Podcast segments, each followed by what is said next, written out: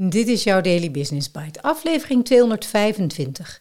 10 tips om ethisch leiderschap in de praktijk te brengen door de redactie van M2 Sprout. Twee weken geleden, na mijn inspirerende trip naar Panama, startte ik met een aflevering over ethisch leiderschap. Misschien herinner je het dobbelexperiment nog. Met een flinke domper als het gaat om ethische keuzes maken. Luister zeker nog even naar aflevering 215 als je die nog niet hebt beluisterd. In dit artikel heeft de redactie van MT Sprout 10 tips verzameld die jou helpen om makkelijker de ethische keuze te kunnen maken. Je staat 2-0 achter, maar dat hoeft geen enkele rol te spelen. Let's start.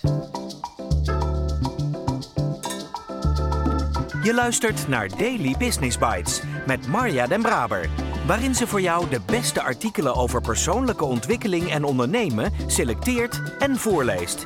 Elke dag in minder dan 10 minuten.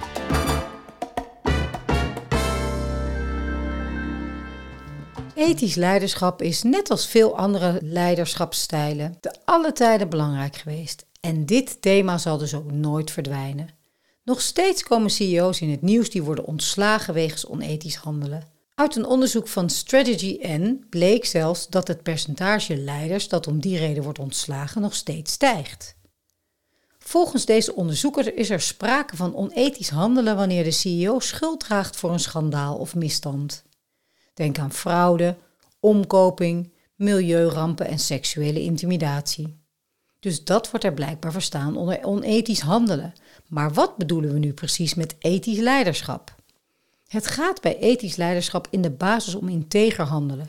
Het houdt in dat je als leidinggevende voorbeeldgedrag vertoont, een beloningssysteem hanteert en communiceert over ethiek en normen. Maar daarmee ben je er nog niet. Je zult je als leidinggevende actief moeten inspannen om integriteit in de organisatie te bevorderen en altijd het goede voorbeeld te geven, hoe uitdagend de situatie ook is. Zichtbaarheid is waar het bij de meeste leidinggevenden vaak aan schort. Ze gaan er te snel van uit dat iedereen in de organisatie wel ziet hoe zij zich gedragen. Doordat de beeldvorming over ethisch leiderschap vaker negatief dan positief in de media komt, zul je je als leidinggevende echter actiever en zichtbaarder moeten opstellen om te bewijzen dat je ethisch handelt. Je staat als leidinggevende dus per definitie 2-0 achter als het op ethiek aankomt. Het is tijd om daarin proactiever te worden als leidinggevende. Maar waar begin je? 10 tips om ervoor te zorgen dat je ethisch leiderschap in de praktijk brengt. 1. Geef een duidelijk voorbeeld. 2. Laat jezelf met dit voorbeeldgedrag zien aan medewerkers. 3. Bespreek regelmatig integriteitskwesties met medewerkers. 4. Handel consequent en wees zichtbaar bij integriteitsschendingen. 5. Zorg voor kritische tegenspraak in je directe omgeving en organiseer dat nadrukkelijk. 6. Laat je expliciet toetsen op blinde vlekken in je ethisch leiderschap.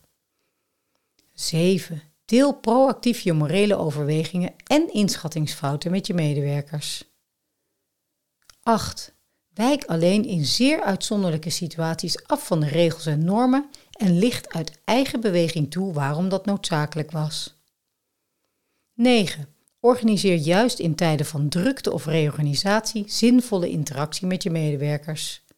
10. Sta zo nu en dan stil bij de symboliek van materiële zaken zoals de grootte van de auto of van het gebouw, de omvang van de bedrijfsfeesten enzovoort.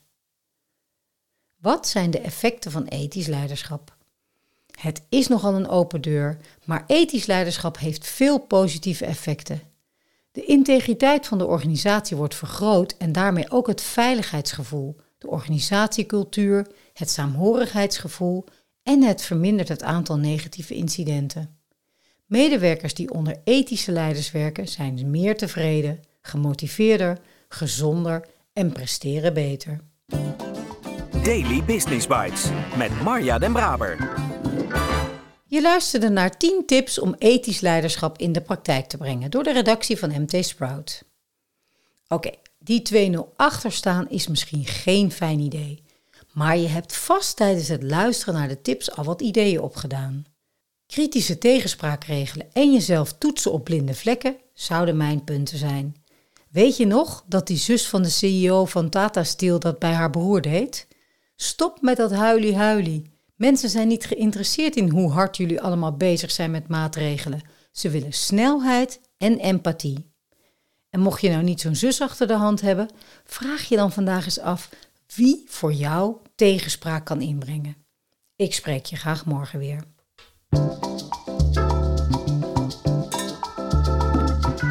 Dit was Daily Business Bites.